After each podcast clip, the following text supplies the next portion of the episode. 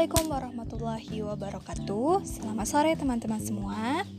Perkenalkan nama saya Depira Dwinta Maharani dengan NIM 1907890 dari kelas PKN 2019A Universitas Pendidikan Indonesia.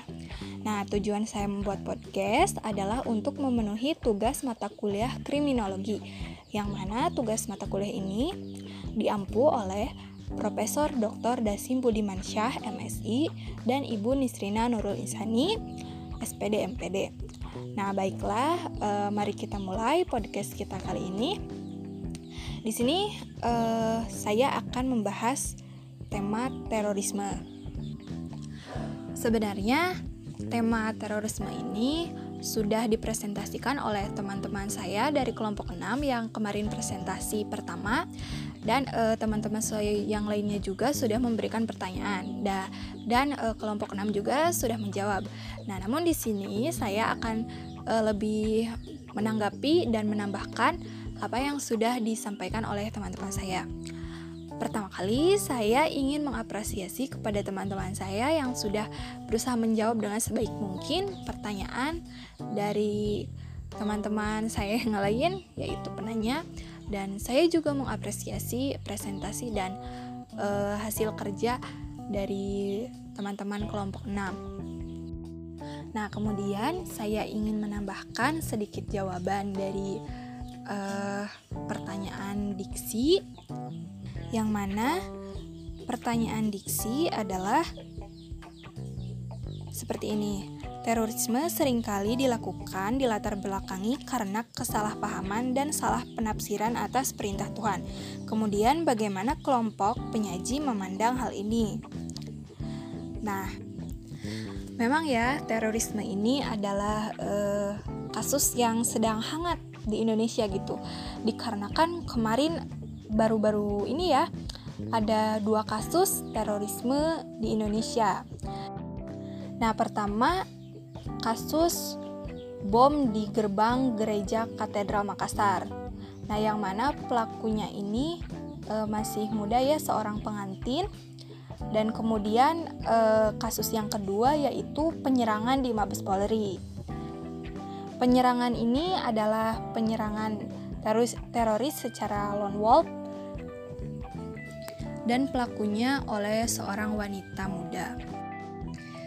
Nah, baik. Mari kita bahas apa sih terorisme itu? Nah, terorisme adalah perbuatan yang menggunakan kekerasan atau ancaman kekerasan yang menimbulkan suasana teror atau rasa takut secara meluas, yang dapat menimbulkan korban yang bersifat massal dan atau menimbulkan kerusakan atau kehancuran terhadap objek vital yang strategis, lingkungan hidup, fasilitas publik atau fasilitas internasional dengan motif ideologi, politik, atau gangguan keamanan. Nah, definisi ini menurut Undang-Undang Nomor 5 Tahun 2018. Nah, jika dikaitkan dengan pertanyaan diksi yang mana pertanyaan diksi ini menanyakan pandangan ya eh, sedikit tambahan ini dari pandangan saya sendiri. Nah, saya kemarin baru-baru ini melihat podcast Deddy Corbuzier yang mana beliau itu mewawancarai seorang mantan narapidana terorisme.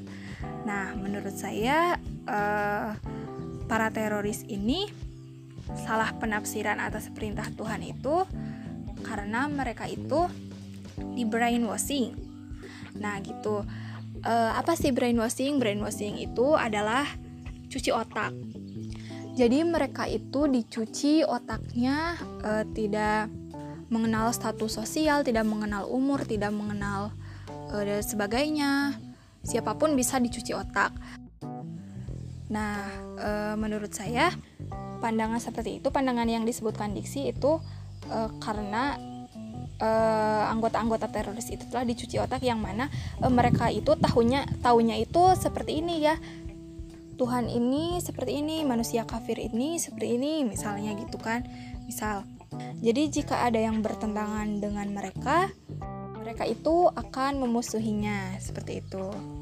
Nah, karena uh, dilihat ya dari rentetan kasus kemarin yang mana pelakunya itu milenial-milenial.